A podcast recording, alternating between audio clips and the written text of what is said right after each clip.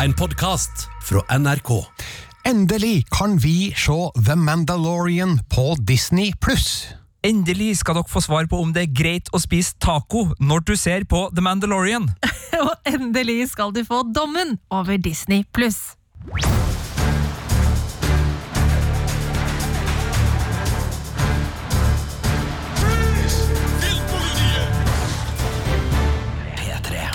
Her er Birger Vestmo, Marte Hedenstad. Og Sigurd Vik. og som dere skjønt, det skal handle om Disney pluss i hele denne podkasten. For denne uka ble det endelig lansering av den nye strømmetjenesten, også for norske seere. Det her har vi venta vel og lenge på, Marte.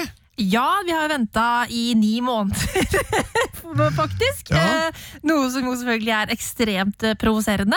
Eh, og så har vi jo da rett og slett fått møte veggen litt denne uka her, fordi at eh, The Mandalorian rett og slett bare blir sluppet med én episode i uka. Ja, for vi hadde vel egentlig tenkt og forventa at vi skulle få hele sesong én på én gang til binsjing, Sigurd? Det hadde vi, og det var jo eh, den store skuffelsen i den store gleden. Altså Det er liksom to ting som har plaga meg de her ni månedene som Marte så, så pent påpekte at har gått. Det ene er jo at eh, vi er så vant nå i mediesammenheng mediesammenheng her i Norge på å få ting samtidig som, som resten. At når noen sier at eh, det skal deles ut her, men dere får ikke, så blir vi jo furtne små drittunger hele gjengen, spesielt oss i, i Filmpolitiet. Eh, Så det var det ene, og det andre var jo at eh, Disney Plus da også hadde den her The Mandalorian-serien, som virkelig tok oss tilbake til frustrasjonene rundt ulovlig nedlasting og det å ikke ha tilgang samtidig som resten. Altså Det hender jo seg at en TV-serie bruker en dag eller ei uke eller to på å komme til Norge fra USA, men stort sett så har vi blitt så bortskjemt med å ha strømmetjenestene, sånn at vi lovlig kan se alt. Altså nå kan, Du kan føde en unge, liksom, på den tida uh, det, det har tatt å vente. Det er et Det- svangerskap. Ja, det har vært et svangerskap, Ja. det, det er riktig Et, tidsmetafor. et, et, et vondt svangerskap. men uh, det at vi da har gått i uh, ni måneder og venta, og så få den der lille i fleisen når vi endelig trodde at vi skulle binche hele tirsdagskvelden som noen gærne Star Wars-fanatikere, det var jo et lite slag i trynet. Så skal vi jo vedkjenne at vi alle her rundt bordet har hatt litt pressetilgang på Mandalorian, så det er ikke oss det er mest synd på, men, men som eh, lansering så var det et slag i trynet. Men det er vel en god grunn til at Disney har gjort det sånn, eh, sånn sett med deres eh, øyne, for det kommer jo en sesong to, og, og timinga opp mot sesong to, det, den er vel mistenkelig god her med ukentlige episoder, Birger? Ja, fordi med en gang sesong én er da ferdigspilt, for å si det sånn, da, på Disney Pluss, så starter jo sesong to, og også den vil nok sannsynligvis komme med ukentlige episoder. Og det handler jo selvfølgelig om at Disney Pluss er en abonnementstjeneste. De trenger lojale abonnenter som henger med ganske lenge, sikkert, og hvis de hadde sluppet hele sesong én av The Mandalorian nå, så kunne de ha risikert at veldig mange tegna et abonnement og sa det opp med en gang. Så det her er rett og slett et eh, kalkulert eh, pengespørsmål for Disney pluss. Men da må jeg bare spørre, er vi nå helt 100% sikre på at sesong to kommer til Norge samtidig som i USA?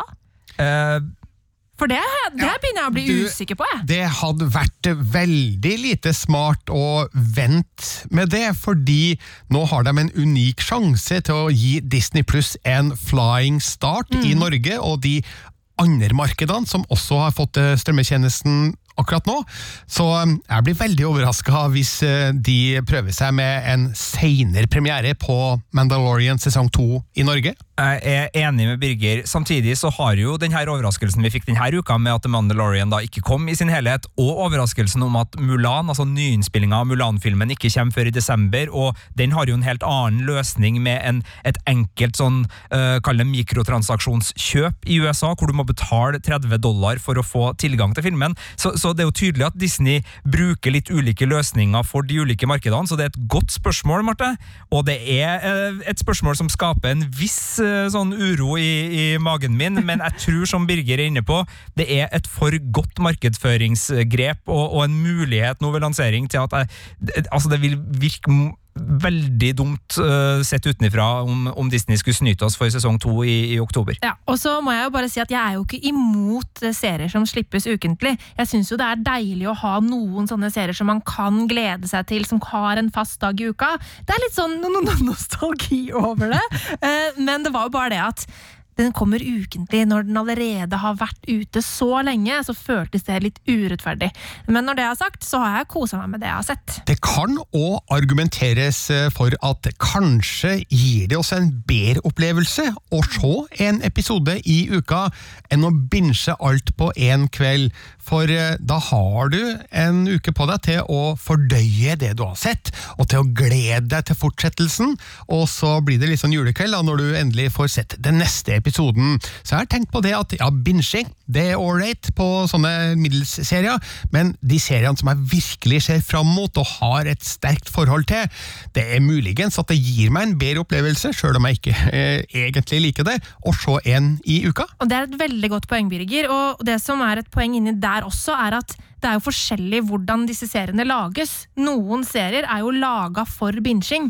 De har en oppbygning i sin episodestruktur som er laga for det, mens eh, serier som er eh, lagd for å ha en episode i uka, er litt annerledes bygd opp, som da kan føles litt sånn for mye eller slitsomt ofte, hvis man ser alt i et smekk. Så det kan jo hende at det er som du sier, at det hadde rett og slett kanskje ikke blitt like bra hvis det hadde blitt eh, på den måten. Jeg tror at uh, misnøyen noen har gitt uttrykk for uh, nå, når uh, The Mandalorian ikke vises alt på en gang, kommer til å gi seg ganske snart. Hva tror du, Sigurd? Nei, jeg tror også at det her er litt sånn uh, frustrasjoner på julekvelden, og så får man kanskje gaven 3. januar, og så glemmer man at man var 14 uh, når uh, februaren kommer. Altså, det, er noe med at tiden i hvert fall legger dem her sårene. og så er det jo en serie vi nå har fått begynt å se, og, og du har jo anmeldt denne herligheten nå, Birger?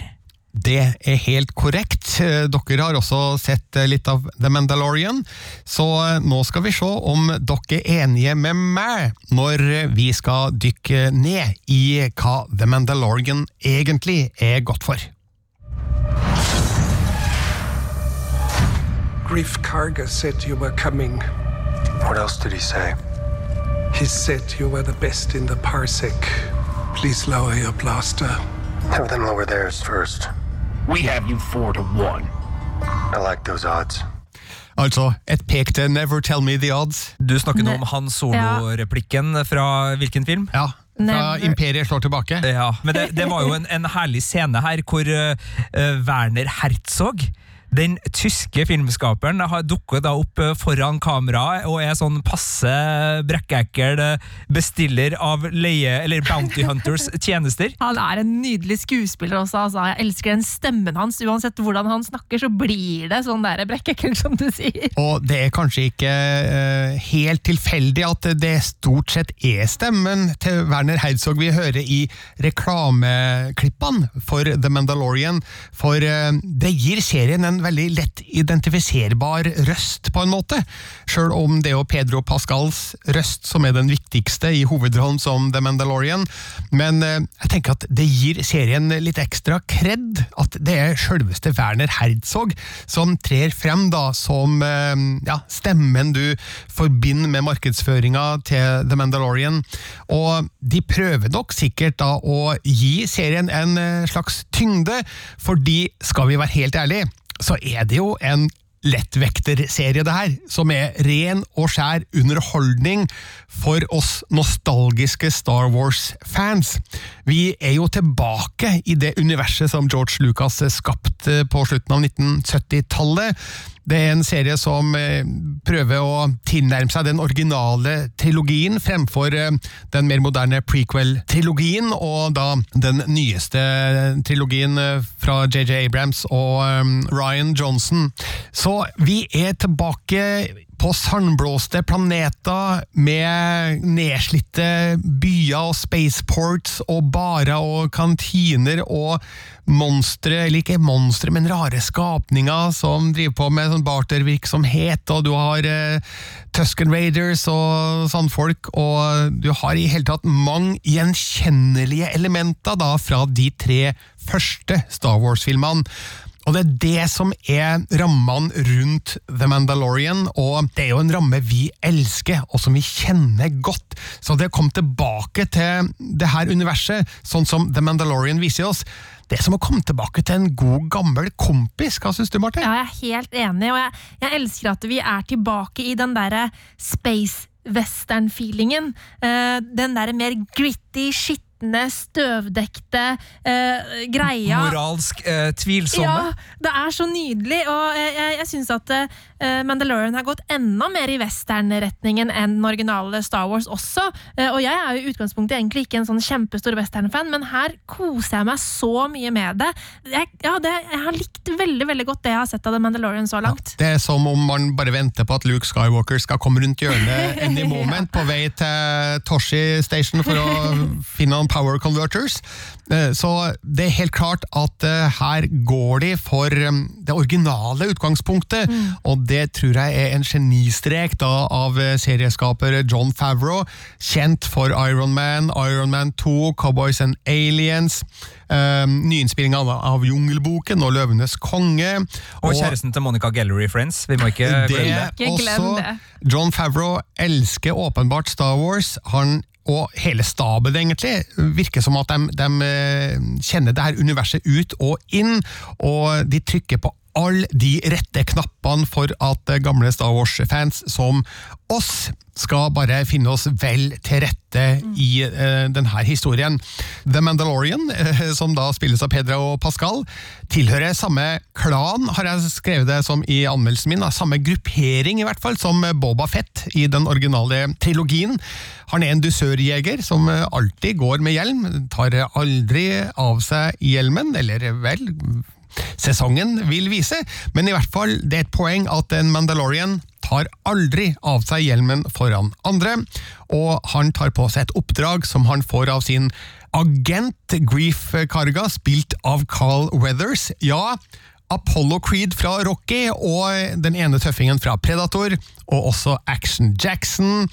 Han spiller altså da en, en handler, eller en agent, da, som gir oppdrag til The Mandalorian på vegne av klienter.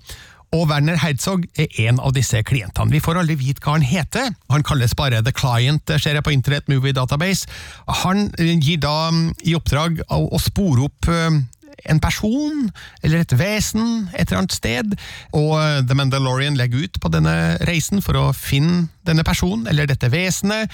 Og jeg vet ikke om jeg skal gi en spoiler-warning her, men det er jo såpass godt kjent akkurat det her at vi kan nok avsløre at det handler om en en liten grønn person med store ører som populært kalles Baby Yoda.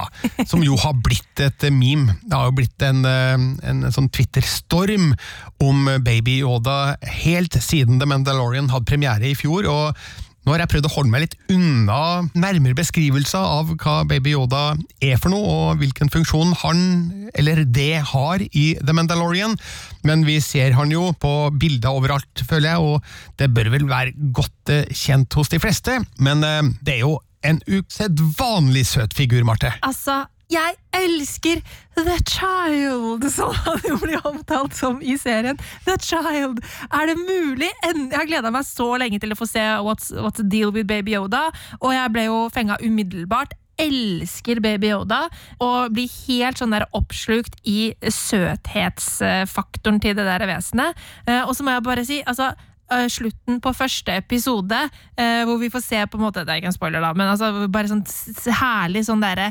silhuett, hvor The Mandalorian og The Child på en måte rekker på en måte hånden til hverandre, sånn som, eh, sånn som sånn, i Michelangelos eh, gude, gudebilde. Vet du hva? Det er så nydelig! Jeg storkosa meg med det, og ble bare liksom revet med av den figuren med en gang.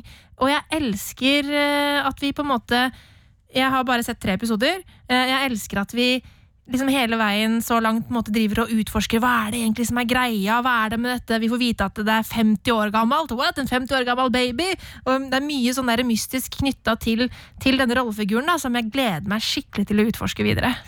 Det, det er noen som trekker paralleller mellom eh, The Mandalorian og forholdet til den lille grønne duden, med Shogun Assassin, eller Lone Wolf and Cub, som eh, filmene egentlig het, da, japanske samuraifilmer fra 1970-tallet. Og det er jo visse ting ved forholdet dem imellom som, er, som gjør at jeg forstår jo den parallellen, da. Eh, Så det kan være en av inspirasjonskildene som John Favreau har hatt da når han har skrevet manuset til denne serien. Eh, Nå er det jo da slik eh, i den første episoden at vi, ser hvordan The Mandalorian sporer opp Baby Yoda, som da ikke heter det i serien, og det, er jo ikke Yoda, men det er det populære tilnavnet denne figuren har fått. da. Hvordan de kommer sammen, og så ser vi da videre hvordan The Mandalorian egentlig da trosser sin skal vi si, fagforenings uskrevne lover og regler. Laug. Laug, Gild. Laug heter det, Ja. ja. Som gir han visse problemer, og som sender dem ut på en reise gjennom galaksen til flere ulike planeter, og der de møter ulike personligheter og problemstillinger, og så er det en overhengende historie over der, da, som vi etter hvert eh, får et litt klarere bilde av, da, når det gjelder hvilke store krefter de egentlig er i ferd med å gå imot. Eh, Så det er det vi trenger å si om selve handlinga her. Men eh, da jeg satt og så disse episodene, jeg koste meg glugg i hjel. Altså fra start til slutt. Syns bare det var en pur glede å se alle de herlige vinkene til gamle Star Wars-figurer og personligheter, og, og roboter og steder og skogkletteplaneter og eh, ørkenplaneter, og det var som å være tilbake i barndommen. Altså, jeg følte meg som en niåring der jeg satt og så The Mandalorian, og jeg tror at det er en innertier for alle store nostalgikere her fra start til slutt. Så vet ikke jeg om jeg er den største nostalgikeren her, eller om Sigurd, har du, har du de samme hjertevarme følelsene for eh, alt som har med det gamle Star Wars å gjøre? Jeg satt og tenkte da jeg begynte på The Mandalorian på, på tirsdags morgen, var jo der faktisk, det var jo et litt sånn eh, dårlig tidspunkt eh, å, å nyte TV, men enn å Altså, Hvis jeg hadde vokst opp med det her tilbudet da jeg var sånn 10-12 år gammel, og liksom det hadde kommet ukentlige episoder av The Mandalorian på TV-apparatet mitt i Klæbu, det hadde vært helt utrolig. Altså, det, det, man er, blir blasert fordi man har så stor tilgang, og det er klart, nostalgien spiller en rolle her. Jeg skal, kan ikke si at det vil være det samme for, for unge folk i dag å, å ha den muligheten og den tilgangen, men, men i det relativt eh, ja, ganske sånn magre underholdningstilbudet som vi alle tre vokste opp med på, på 80- og 90-tallet. Så, så, så det å, å liksom få noe sånt med den eh, prakten som man får på en, en god TV, nei, det, det, altså, det er helt spinnvilt eh, kult å, å tenke på. og ja, jeg blir også grepet av nostalgien, spesielt fordi det foregår så mye deilig rundt. altså De birollefigurene vi møter, og, og den tonen som er i kreasjonene rundt omkring, er som du sa, veldig i, i, i stemning og stil med, med den originale trilogien, og, og eh, skape en litt annen type nostalgi enn det uh, Force Awakens gjorde. For Force Awakens tok tak veldig i handlingsmønsteret, og, og gjentok en del av tropene, og gjentok en del av uh, slektskapet og rollefigurene, og, og tok oss med inn i nostalgien på den måten. Jeg syns Mandalorian klarer å trigge nostalgi på en annen, og kanskje hakket mer raffinert måte, fordi den gjør det i, i verdensskapninga, og ikke nødvendigvis eh, så mye, eh, med unntak av hjelmen, selvfølgelig, og, og den eh, umiddelbare koblinga til Boba Fett. Og så er det jo selvfølgelig en, en, et gode å ha da for John Favreau og serieskaperne, at de vet så godt hva det er Star Wars-fansen liker aller best, og det har de jo virkelig benytta seg av. Så både cuteness fra rollefigurer som dukker opp utover i episodene, og, og The Mandalorian sjøl, og ikke minst den eh, meget leketøyssalgsvennlige eh, The Child. Altså, det er, jo, det er jo fortreffelig ut fra et markedsføringsperspektiv, eh, alt i hop. Eh, et lite spørsmål til dere begge. Får dere også litt sånn spill- og oppdragsfeeling av eh, introduksjonen på The Mandalorian? At eh, her er det en eh, dusørjeger som er liksom satt ut på en kurs, og så er det liksom sånn små sideoppdrag som må løses, og så er det tilbake til hovedoppdraget, og så Ja, jeg får det så innmari. Jeg tenkte over det. Og, men det har også noe med ikke bare oppbygningen på episoden å gjøre, men med det at vi hører stemmen gjennom denne hjelmen. For det er også veldig sånn eh, videospillfølelse. At du har en sånn der mikrofonstemme som snakker til deg mens du er på oppdrag. Så jeg fikk veldig, veldig den følelsen. Eh, men det fungerte egentlig veldig bra. Eh, men for min del så er det også veldig mye nostalgi å hente her, og det kommer også veldig mye av at det er så masse deilige praktiske effekter her. Det er jo selvfølgelig en del eh, CGI ute og går, men alle rollefigurene som er dukker, det er helt nydelig. Altså, Quill, som Nick Nolte har stemmen til. Ja. For en fantastisk figur! Og så utrolig nydelig at det er en faktisk puppet som blir styrt. Altså, det, jeg koste meg så mye med det, altså. Er det en puppet? Det er en puppet. Ja, Det har jeg ikke satt meg inn i, nemlig. Det er en puppet det er styrt av Misty Rosas, som er puppet master, mm -hmm. og stemmelagt av, av Nick Nolte. Eh, Jeg klarte ikke kjenne igjen at det var stemmen hans. Jeg var sånn Hvem sin stemme er det der?! Jeg har hørt den stemmen der før! Og så måtte jeg gå inn på IMDv og oppdage det. Så, men nei, det er ja, herlig nostalgi. Mm. Eh, men jeg tror også Det er jo som du sier, Sigurd, vanskelig å si noe om eh, hvordan på en måte barn som vokser opp i dag, vil, vil eh, spise det her. Men jeg tror nok at det vil gjøre det med stor appetitt. Når du snakker om spillfølelse, Sigurd, så um, er det jo et poeng her, som jeg også skriver om i anmeldelsen min på P3NO-Filmpolitiet, at The Mandalorian um, følger jo den samme episodiske strukturen da, som filmene alltid har hatt. Spesielt de eldste Star Wars-filmene har jo alltid hatt eh, 20 minutter der, og så forflytter de seg til et annet sted, og så er det 20 minutter der, og så videre og så videre. Og så, så det gjør at um, hele Star Wars-universet passer jo veldig godt inn da, i, en, um, i en serieform. Så det kan jo også ha sitt å gjøre med at du føler man er fra oppdrag til oppdrag, og så er det en backstory som, eh, som ligger over. Så der tenker jeg at eh, vi godt kan eh, tåle mange sesonger av The Mandalorian, og vi kan tåle enda flere serier fra det samme universet, for det er så svært og så rikholdig, og det gir så utrolig mange muligheter til å fortelle morsomme, spennende historier. Mm. Men så er min brannfakkel her da er hvor eh, nyskapende er egentlig The Mandalorian? Er det bare en veldig god kopi av ting vi allerede har fått eh, fortalt eh, fra før? Kjør debatt! Ja, altså det er jo det. Er jo det. Uh, altså det, det er ikke en uh, kopi i den forstand at det her er akkurat likt ett bestemt kulturprodukt som allerede eksisterer, men summen av The Mandalorian er eh, veldig tydelige inspirasjoner fra ting som vi allerede har snakka om, enten det er da den japanske tradisjonen, uh, kaller Japan-western, med, med spesielt samurai-greia der. Eh, For så vidt en, en tradisjon som Quentin Tarantino har gjort seg rik på, så, så det, det er jo ikke noe i veien med å, å låne derfra. Du har eh, Star Wars-universet sjøl, du har typiske dusørjegerfilmer, du har, altså i westernsjangeren, amerikansk eh, sådan, og, og det er så mye her som, som er tried and tested. Altså det, det, er ferdigutvikla modeller som, som settes i sving her.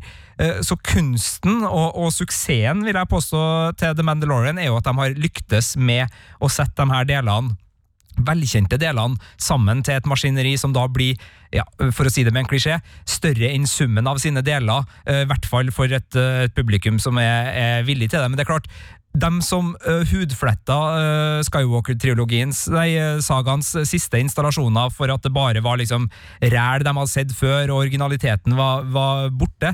Altså, De vil kunne finne argumenter i, i samme rekke, dem mot The Mandalorian, og barnevennligheten vil nok også kanskje uh, påvirke litt. Den har noen scener som var litt sånn overraskende drøy kost, men, men stort sett, i likhet med, med Disney pluss øvrige univers, så er jo det her veldig mild underholdning.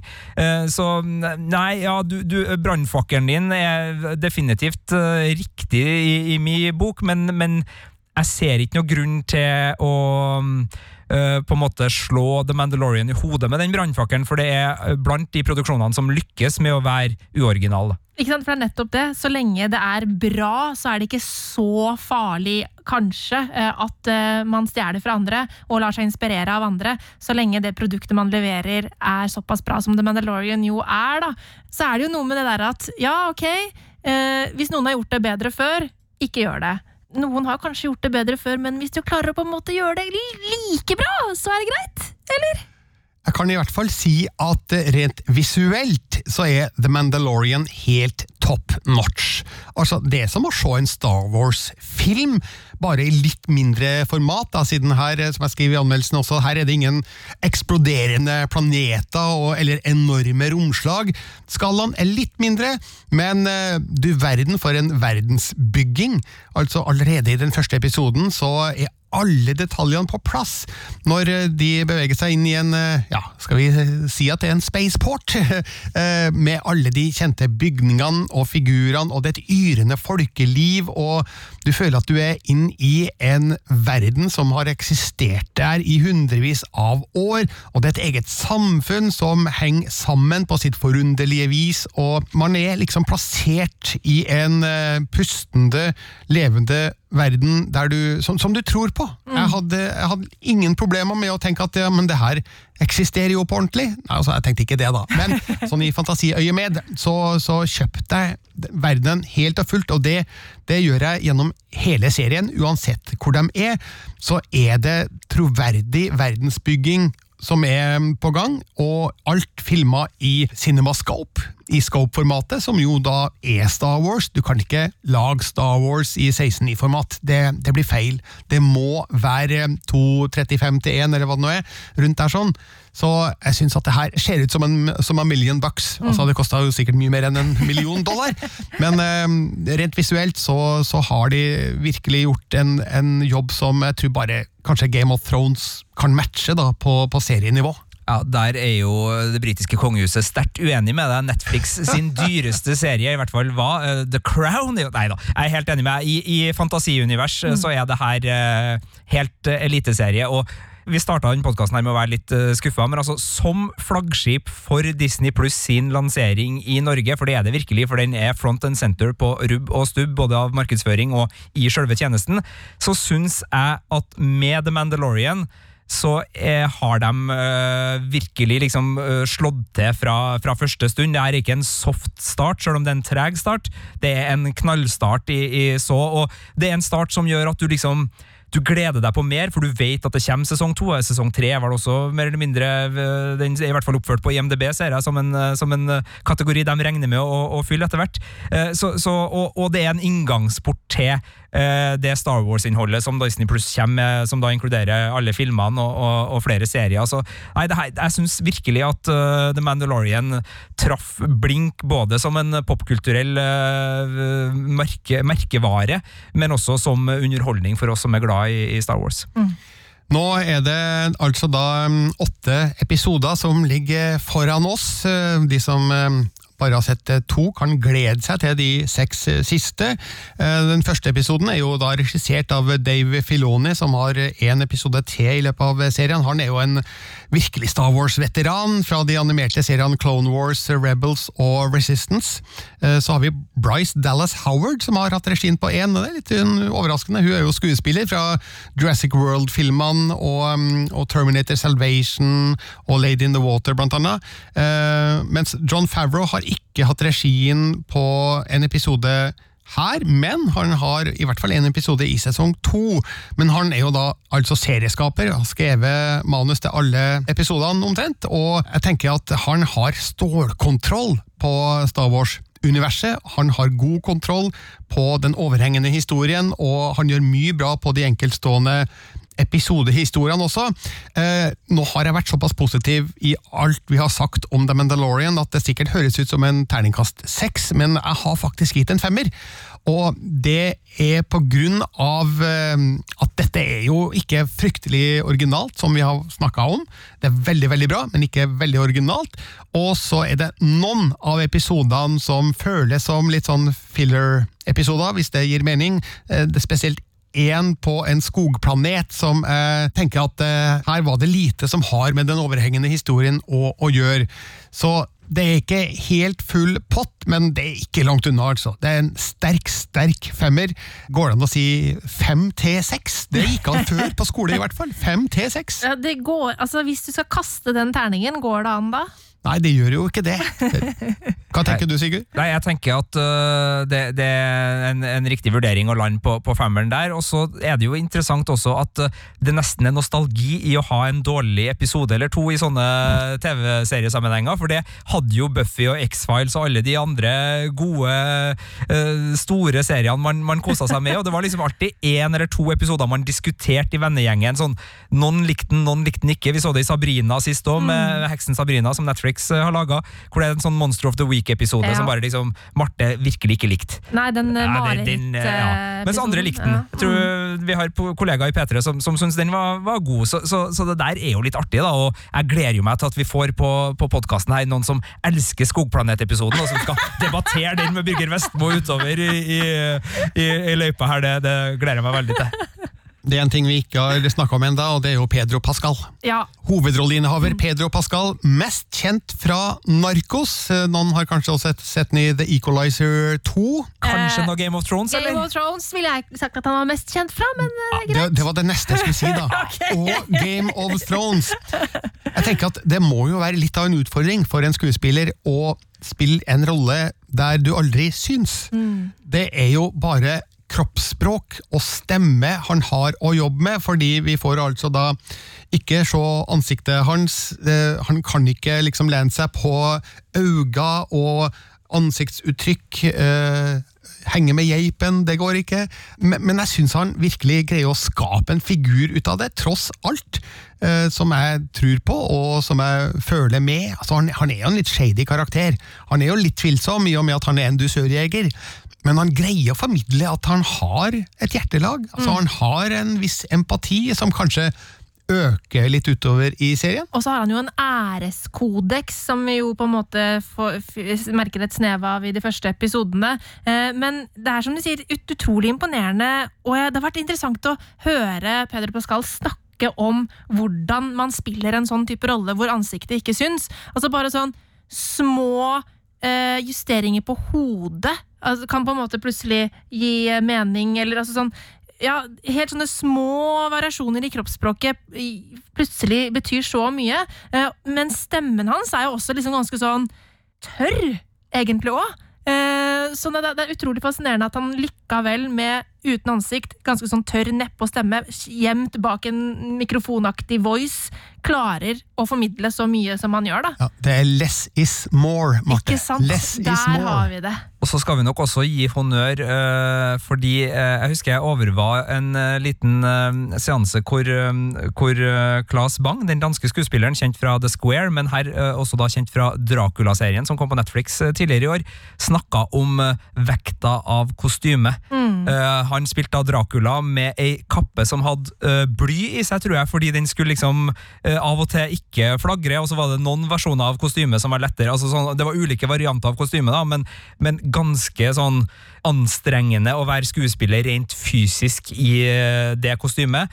Jeg kan ikke se for meg at det kostymet som Pedro Pascal her bruker konstant i The Mandalorian er en fryd å ha på seg, og, og den svettejobben han gjør for å, å få det her så bra som det blir, det er det bare å ta av seg Bubba-fett-hjelmen for, og vi har vel den på kontoret, har vi det, Birger? Det har vi, det er riktig. Det er veldig godt. Tar den Eh, på hver dag. ja, eh, og så, så, så, så det er noe med, med dedikasjonen her som, som også er imponerende. fordi det, det, det jeg har sett, i hvert fall altså han, Det er ikke noe vingling her, det er sikkert eh, tatt noen retakes, men, men det, han bærer det, og, og det er noen slåssescener hvor jeg bare tenker den, Å ha på seg den drakten når du ligger der og kaver i gjørma og styrer på Fytti rakkeren, altså. Det, det er greit å ha en podkastjobb hvor du sitter i sofa og snakker med vennene dine. altså.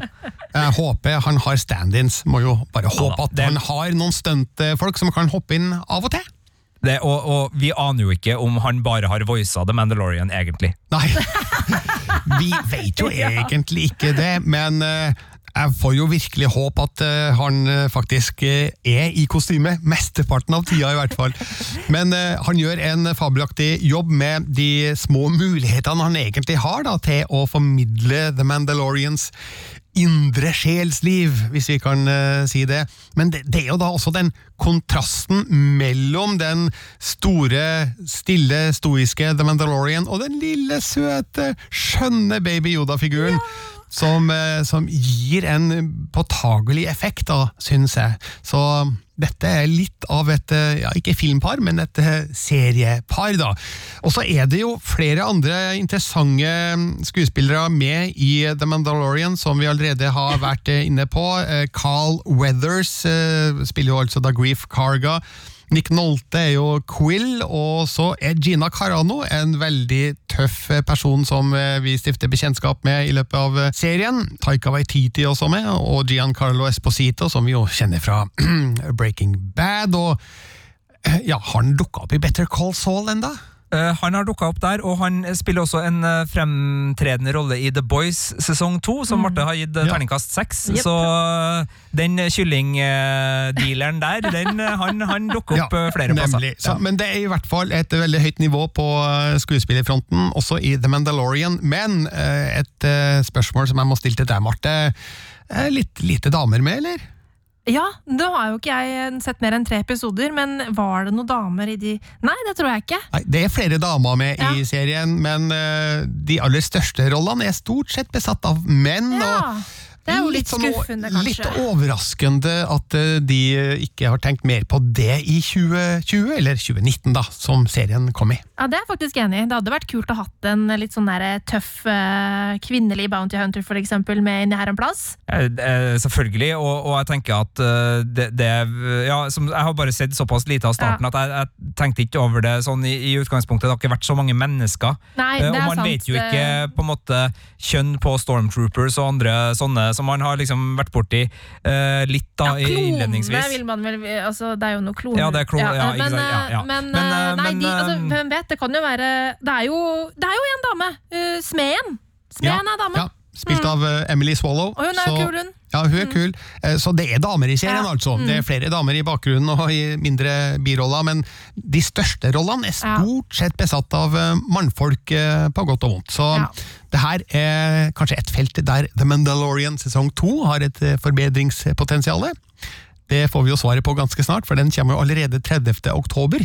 Så dette er en fin høst, altså, for alle Star Wars-fans. Og så må vi bare, bare svinge litt innom musikken også før vi gir oss, fordi jeg er imponert over Ludvig Göransson, hva han har gjort med det lydsporet der, altså. Ja, jeg elsker temaet som går under eh, hver rulletekst, som er vel hovedtemaet til The Mandalorian, med ganske sånn eh, taktfast eh, marsjrytme, og nå ikke blokkfløyte kanskje, men eh, noe treblåseinstrumenter der i hvert fall, som Ja. gir en veldig god kontrast da til det militante eh, temaet i musikken. Ja, jeg syns han er veldig god på å klare å hente inn det Star Warske, altså inspirasjoner fra instrumenter som John Williams bruker i sin musikk, og kombinere det med litt mer sånn Ennio Morricone-inspirert westernmusikk. Eh, Det er en nydelig kombinasjon. altså Jeg storkoste meg med det lydsporet der. Men ser ikke dere for dere, altså hvis dere hadde fått oppdraget Du skal lage eh, musikken til den nye Star Wars-serien The Mandalorian, det er en eh, western Star Wars-serie, så setter du jo opp liksom én plakat av John Williams, én plakat av Ennio Morricone, og så, så begynner du altså, det, er jo, det er jo den miksen du skal ha. Det er jo akkurat den miksen hvert miksen fall vi skal ha. med tanke på den kommersielle drivkrafta som ligger i, i maskineriet her. Ja. Det er jo en, en serie og et univers som har både en, eh, en storhet å ta vare på, men også eh, en eh, stor vilje til å bruke det, det, det største og det eh, som er mest kjent, for det, det skal jo liksom ligge i forgrunnen av all populærkultur der. Ja, jeg, jeg merker at jeg er nysgjerrig på hvilken musikk klipperne har brukt som sånn temp music, altså temporary music som de legger inn. For det er jo noe som av og til legger føringer på komponistens eh, stil da, på det som blir uh, laga. Men eh, ja, du rekker opp hånda, Sigurd. Jeg gjør det, og her må kanskje du og Birger hjelpe meg litt, for jeg er jo ikke så god på filmmusikk, men jeg mener å huske eh, på en VHS jeg så her forleden, eh, der eh, det er Star Wars-film eh, på. Nei, jeg, har eh, kjøpt meg noen noe spesialutgaver av eh, Star Wars-filmene, der George Lucas eh, intervjues før filmene settes i gang. Eh, og der snakka han om det at eh, han hadde liksom sittet opp eh, sånn med sånn temp, altså sånn klassiske stykker som han sjøl likte. Liker det. Eh, og så var det vel Steven Spielberg som satte den i kontakt med John Williams, som da John Williams også fikk liksom høre de her klassiske stykkene som George Lucas hadde plotta i, i A New Hope, eh, sånn, mm. og så jobba ut fra det. Så, så det er jo en sånn fin eh, det er en sånn fin driv gjennom hele Star Wars-universet, det her med, med musikkfokuset, og at det skal liksom være veldig følelsesstyrende og, og, og sterkt. Men uh, tar jeg feil her, Birger, eller høres det riktig ut? Det høres riktig ut, det gjør det. Altså, musikken har alltid vært en veldig viktig del av hele Star Wars-opplevelsen, og det er den jo også nå, sjøl om jeg tenker at Ludvig Göranssons musikk til The Mandalorian den skiller seg jo litt fra John Williams sin score da, Ja. for de større filmene. Så ikke at musikken er mindre, men den er litt mindre pompøs og orkestral, hvis det går an å si, da, enn det Williams sin musikk er i, i filmene. Eh, Ludvig Göransson har jo virkelig eh, fått en eh, lysende karriere de siste åra. Han er ikke et like kjent navn som John Williams, men eh, jeg bare så på Internet Movie Database-lista hans, og eh, det er jo han som har laga musikken til Tenet, som går på kino nå. Han laga musikken til de to Creed-filmene, og eh, Black Panther laga han musikken til. Så han har virkelig fått et oppsving, og jeg tror ikke at eh, den karrieren der eh, blir noe mindre dårlig av å ha musikken på The Mandalorian.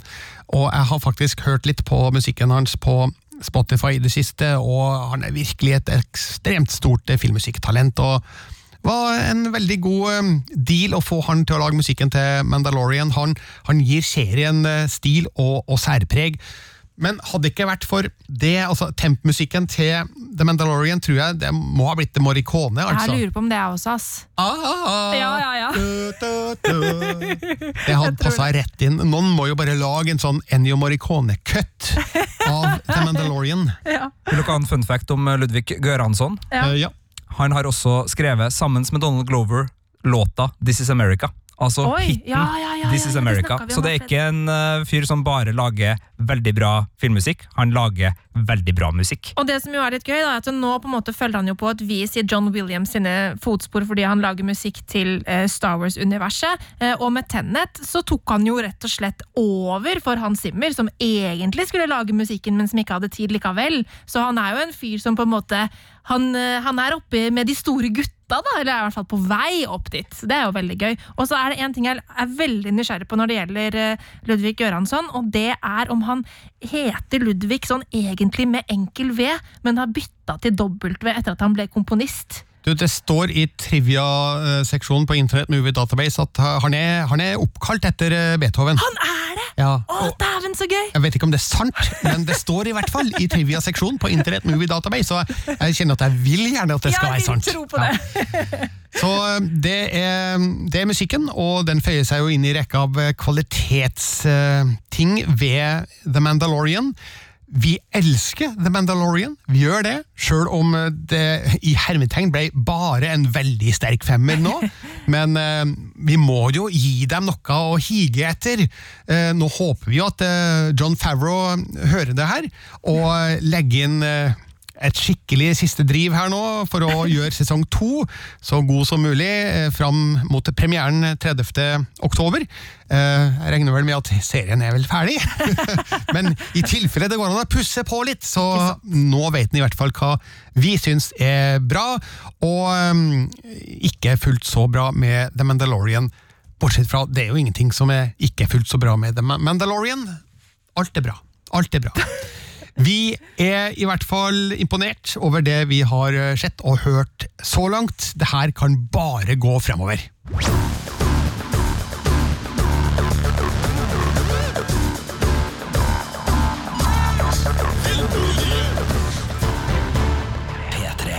Nå skal vi til en problemstilling som har med The Mandalorian å gjøre, for vi eh, kom opp i en liten diskusjon på kontoret her en dag, Marte.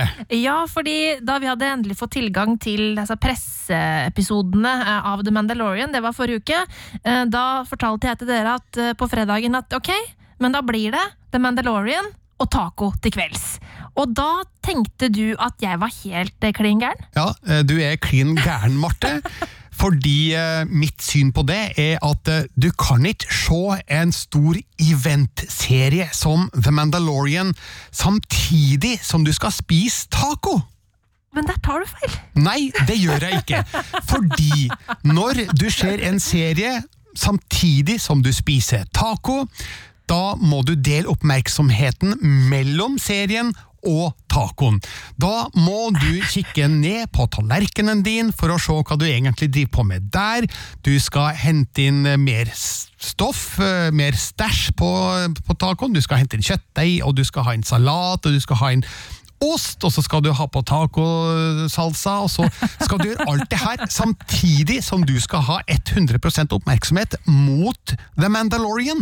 Det går jo ikke! Jo, men jeg tror du undervurderer, mine tacoskills.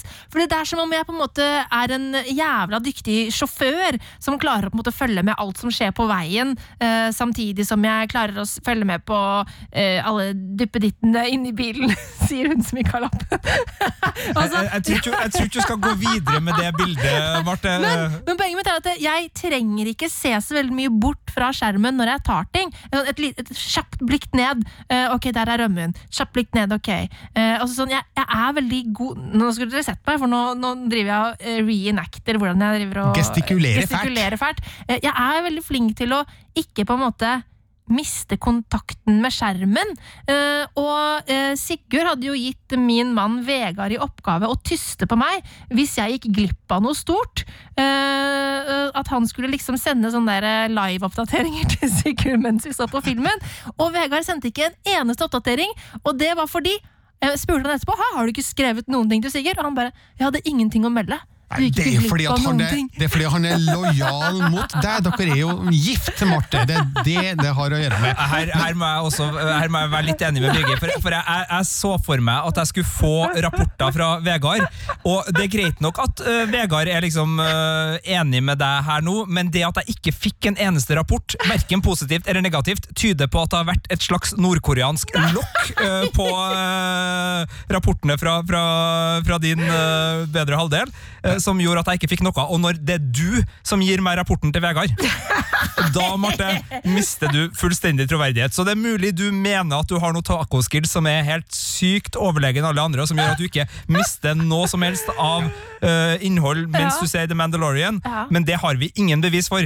Fordi det som skulle være uh, en uavhengig observatør her, uh, har ikke Altså i likhet med, med undersøkelser rundt valgsfusk og, og sånne ting, så er jeg ikke fornøyd med rettssikkerheten øh, når det gjelder informasjonen men, fra Vegard. Jeg, men jeg står på mitt når du ser en prestisjeserie på TV som har kosta en milliard kroner å lage, så kan ikke du la deg distrahere av å gjøre andre ting samtidig som du ser. Men eh, jeg er enig med deg på, på noen serier, så er jeg enig med at man ikke kan eh, drive og spise ting og, eh, og sånn. Men som vi òg var inne på, at selv om dette er et eh, prestisjeprodukt, så er det òg en lettvekter i at det er enkel underholdning. Det er enkelt å følge med på.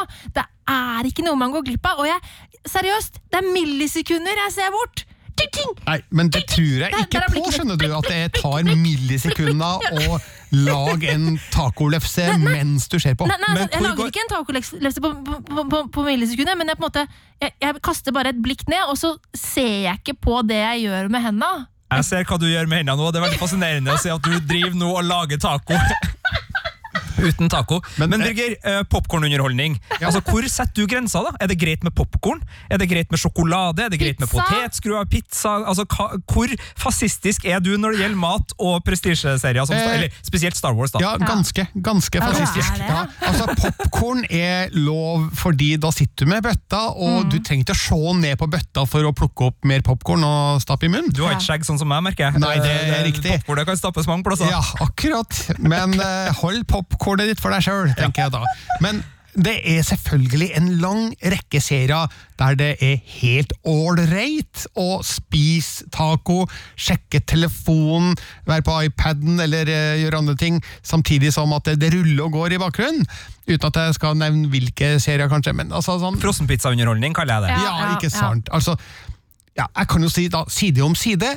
Fantastisk eh, fin, morsom familieserie, men der kan du faktisk tillate deg å ikke ha 100% oppmerksomhet mot skjermen til enhver tid. Men The Mandalorian er ikke en sånn serie, Marte.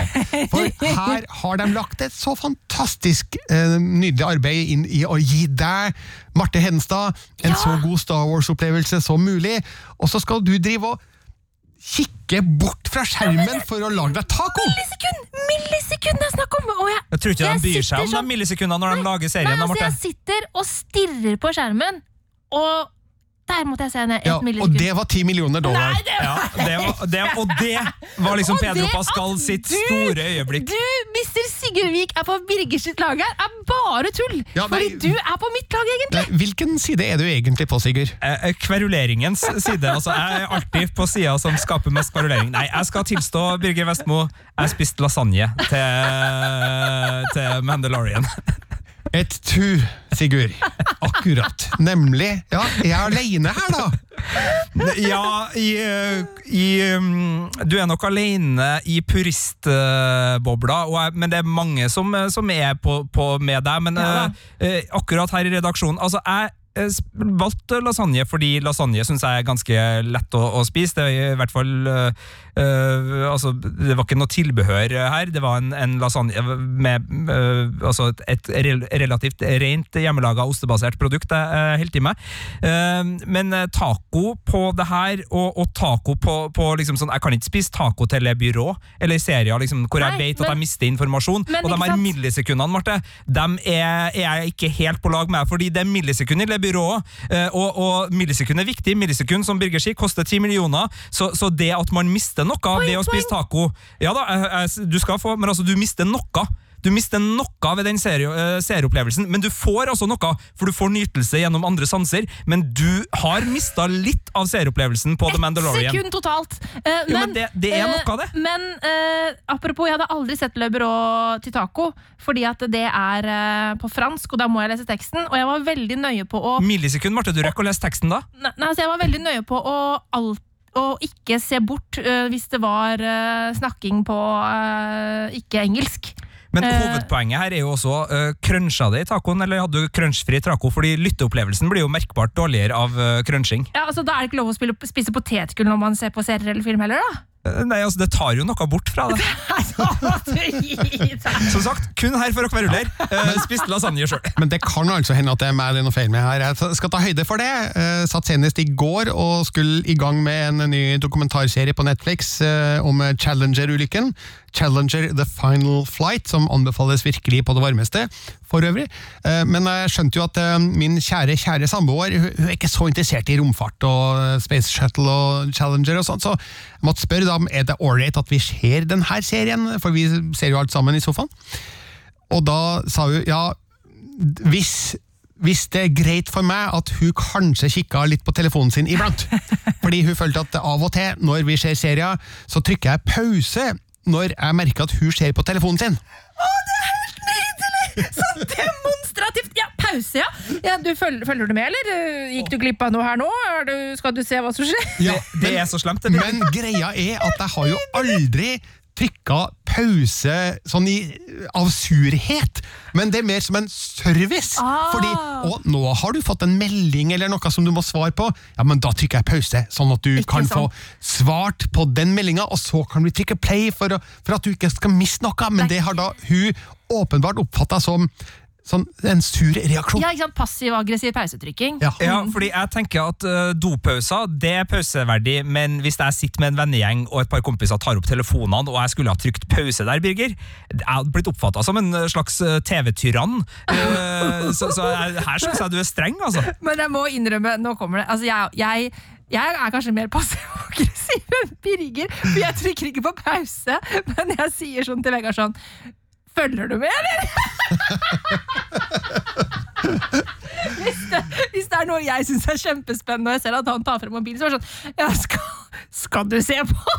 Men må den andre i sofaen nødvendigvis følge med for at du skal ha glede av det? Nei, det er jo noe med det. Hvorfor er det litt sånn? Eh, Det er kanskje fordi at man syns det er så bra sjøl at man vil jo gjerne at den andre skal ha, oppleve det samme, kanskje. Men eh, nei, herregud, man klarer da å se så ting hvis den andre ikke følger med, så føler du at din egen opplevelse blir litt sånn nedvurdert? Nei, ja, kanskje at han på en måte ikke syns det jeg syns er like bra. At det føles litt sånn ja, Du syns ikke den serien jeg digga var så bra? Nei, ok, greit. Um, så det er kanskje derfor at jeg reagerer så kraftig da, på at du spiser taco til The Mandalorian. Jeg mener fremdeles at det er en eh, uting, men vi må vel avslutte her med å si at eh, let's agree to disagree.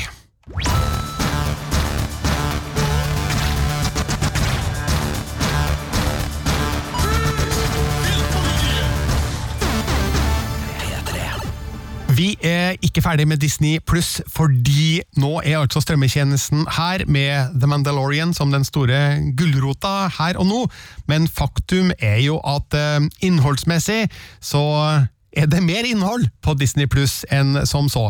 Men hvordan er det å finne dette innholdet? Vi har vår egen ekspert som kan gi oss svar, nemlig Sigurd Vik.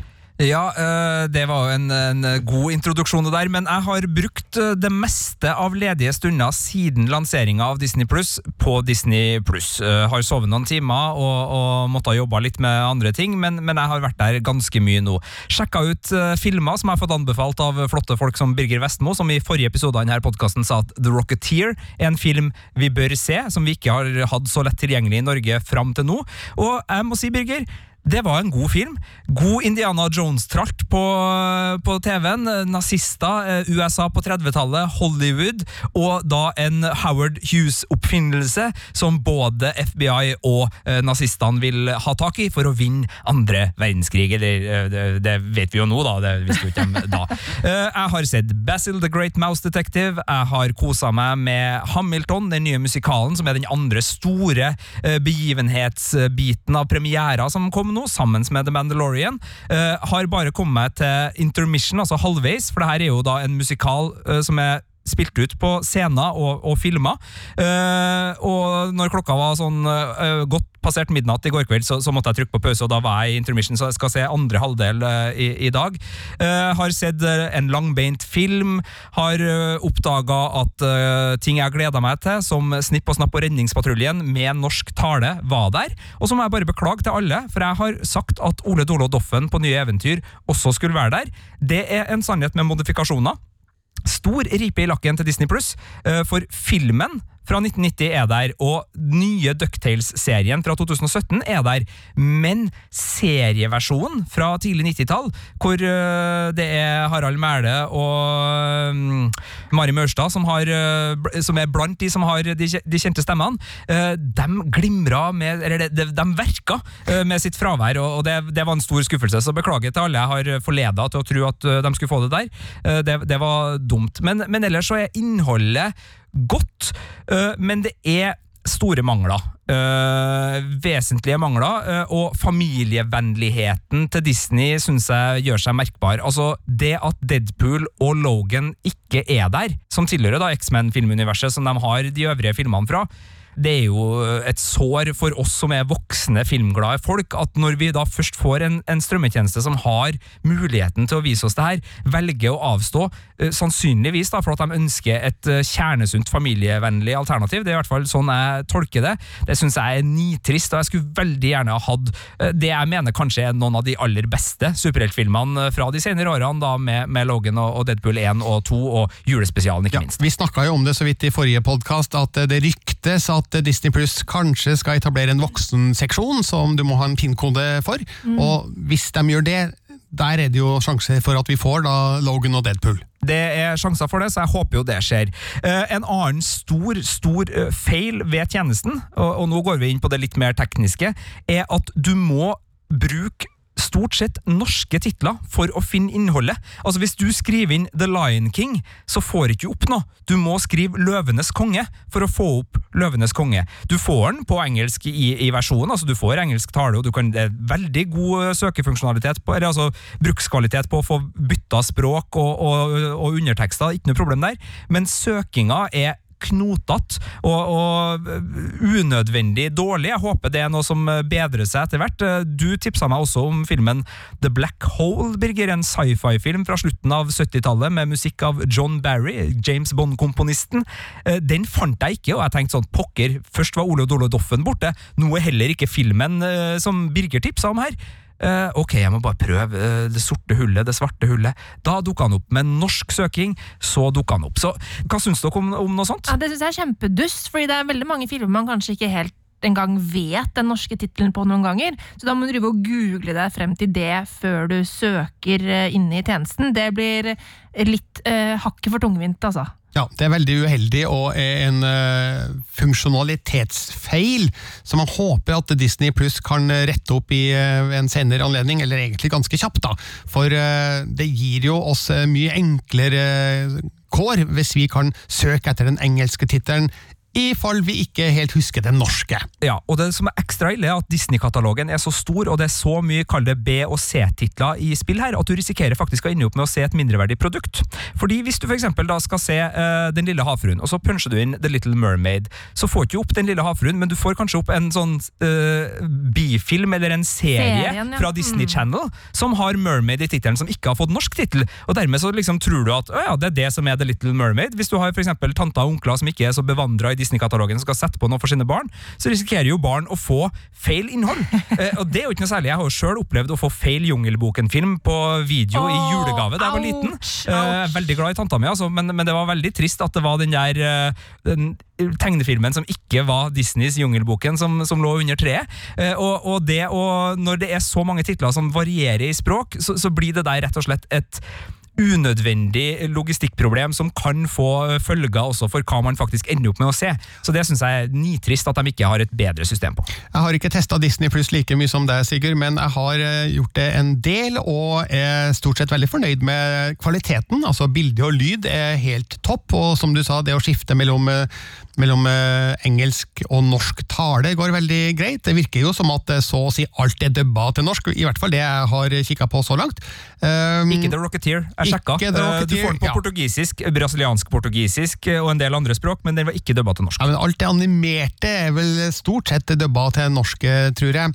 Um, men det jeg har reagert negativt på, da, det er jo hvordan alt det her er organisert. Fordi du kan jo velge mellom filmer og kortfilmer, og under der så er det flere andre Nei, filmer og serier, og under der så er det flere andre underkategorier, f.eks. for eksempel av animasjon.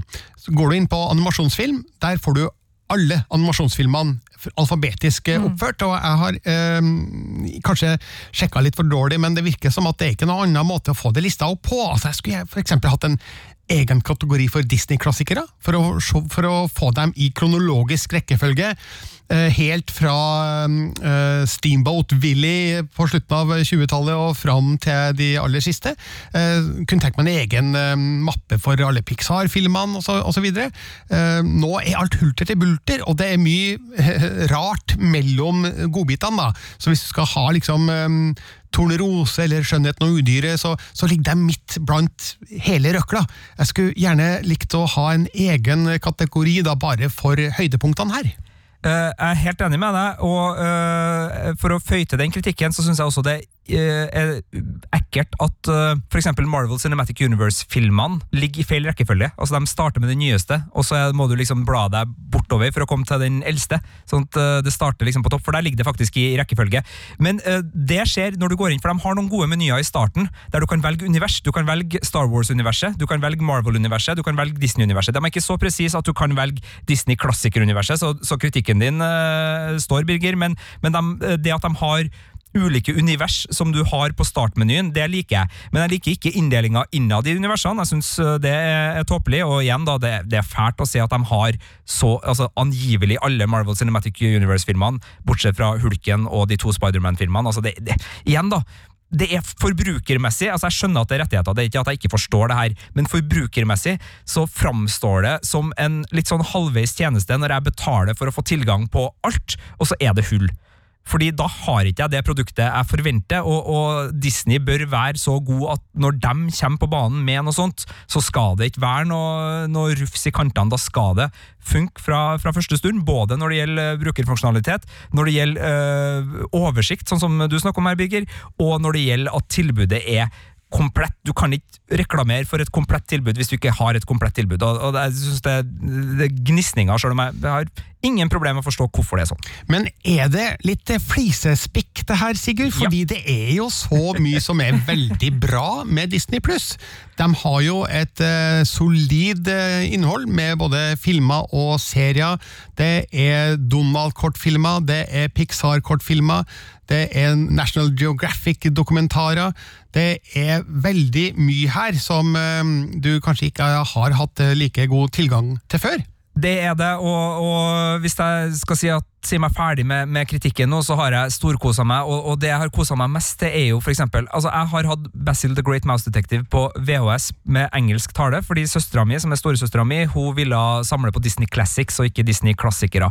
Og det å kunne rusle rett inn i det innholdet og velge norsk tale, og for første gang i mitt liv Oi. få Basil the Great Mouse Detective, en av mine favoritt-Disney-klassikere, med norsk tale, var nydelig. Selv om jeg switcha tilbake til engelsk tale sånn cirka etter 20 minutter, for Gjorde at det det? var et eller annet der som gjorde at Å, fikk du ikke med eh, deg Rottenikk-sangen? Jo, den eh, fikk jeg med meg. Ja, Den er mye bedre på engelsk. Oh, Radigan. Oh, Radigan. Eh, Rottenikken er forresten også et ord på en eh, norsk eh, skurk fra, fra 40-tallet som kom seg unna både Milorg og, og nazister. Eller om han kom seg unna, husker ikke helt, men Rottenikken Hvis du googler det, så får du ikke opp uh, Disney-rotta. Bare så folk er klar over det. Uh, men uh, nei, det, det storveies, og det, det er så mye der. Altså, det er så mange filmer som jeg ikke har orka å bruke penger på, men som jeg alltid liksom har litt lyst til å se. Som nå er bare et klikk unna. Det er jo det som er den store gaven. Altså, jeg har ikke to gode venner. Jeg har ikke Bernhard og Bianca-filmene i, i samlinga mi. Altså, jeg har en del hull i Disney-samlinga. Filmer som jeg kanskje har sett på en bursdagsfest når jeg var, var liten, og kanskje liksom sett litt av.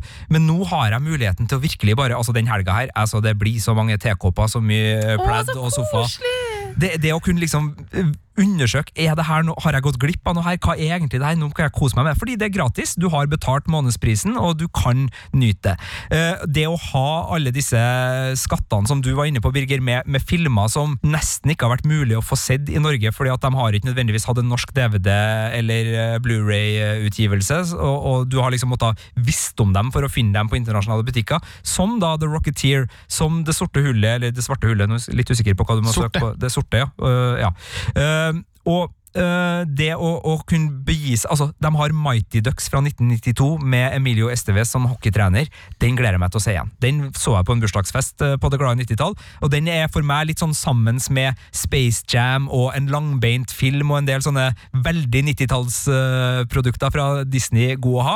Og så er det jo selvfølgelig de universene med, med superheltfilmer og Star Wars og, og alt det. Så, så, så det er en øh, brukervennlighet på selve filmopplevelsen og serieopplevelsen som er nydelig, og det er et utvalg som er fullt av skatter. Så selv om vi nå, eller jeg nå, da var, var pirkete, så, så, så er det mye å glede seg til her, og, og jeg ser også at øh, det selv om jeg liksom har lest gjennom lista, så, så er det så mye titler her at jeg har liksom ikke rukket å få wrapped your head around, sier de på, på engelsk. Altså, jeg har ikke helt klart å, å forstå alt innholdet ennå, eller fatt omfanget av innholdet, for det er veldig mye mellom sprekkene her. Men sånn som Prime Video, Netflix, HBO, de har jo like mye eller mer innhold. Altså, trenger vi enda mer innhold?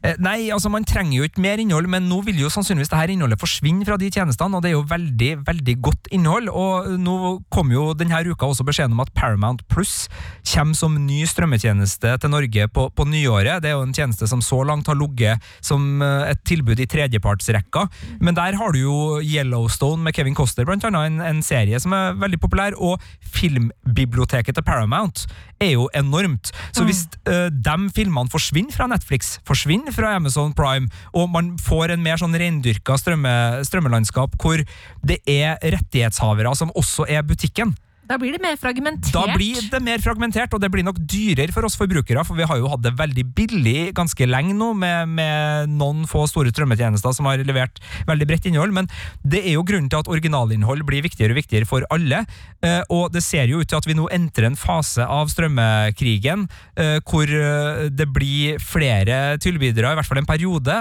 som, som vil verne om sitt innhold, ikke del det, og, og dermed så blir liksom Spotify-modellen, da, hvis vi skal kalle det, mindre synlig. Men samtidig så er det jo mye innhold, så mye innhold at du vil jo alltid føle at Netflix har mye mer enn bare Netflix originalinnhold. Men, eh, men eh, hvis du nå skal se uh, Disney-innholdet, så må du jo stort sett til Disney Pluss. Jeg så forresten at Viaplay har uh, de to Spiderman-filmene som mangler fra, fra Disney, så du vil jo få litt sånne noen sånne litt sånn merkelige utslag, men herlighet, Deadwood var jo borte fra HBO Nordic lenge, fordi de ikke hadde rettighetene til sin egen HBO-serie i starten, så, så litt sånn oppstartstrøbbel er det jo som regel når, eh, når rettigheter må, må omfordeles på, på såpass drastisk vis. Men eh, det er vel all grunn til å tro at Disney Pluss har kommet for å bli en stund, for å si det sånn. For eh, The Walt Disney Company er jo den store juggernauten i underholdningsbransjen. Men det blir jo stort sett bare amerikansk innhold der. Jeg tviler vel på at Disney skal begynne å produsere så veldig mye norsk innhold?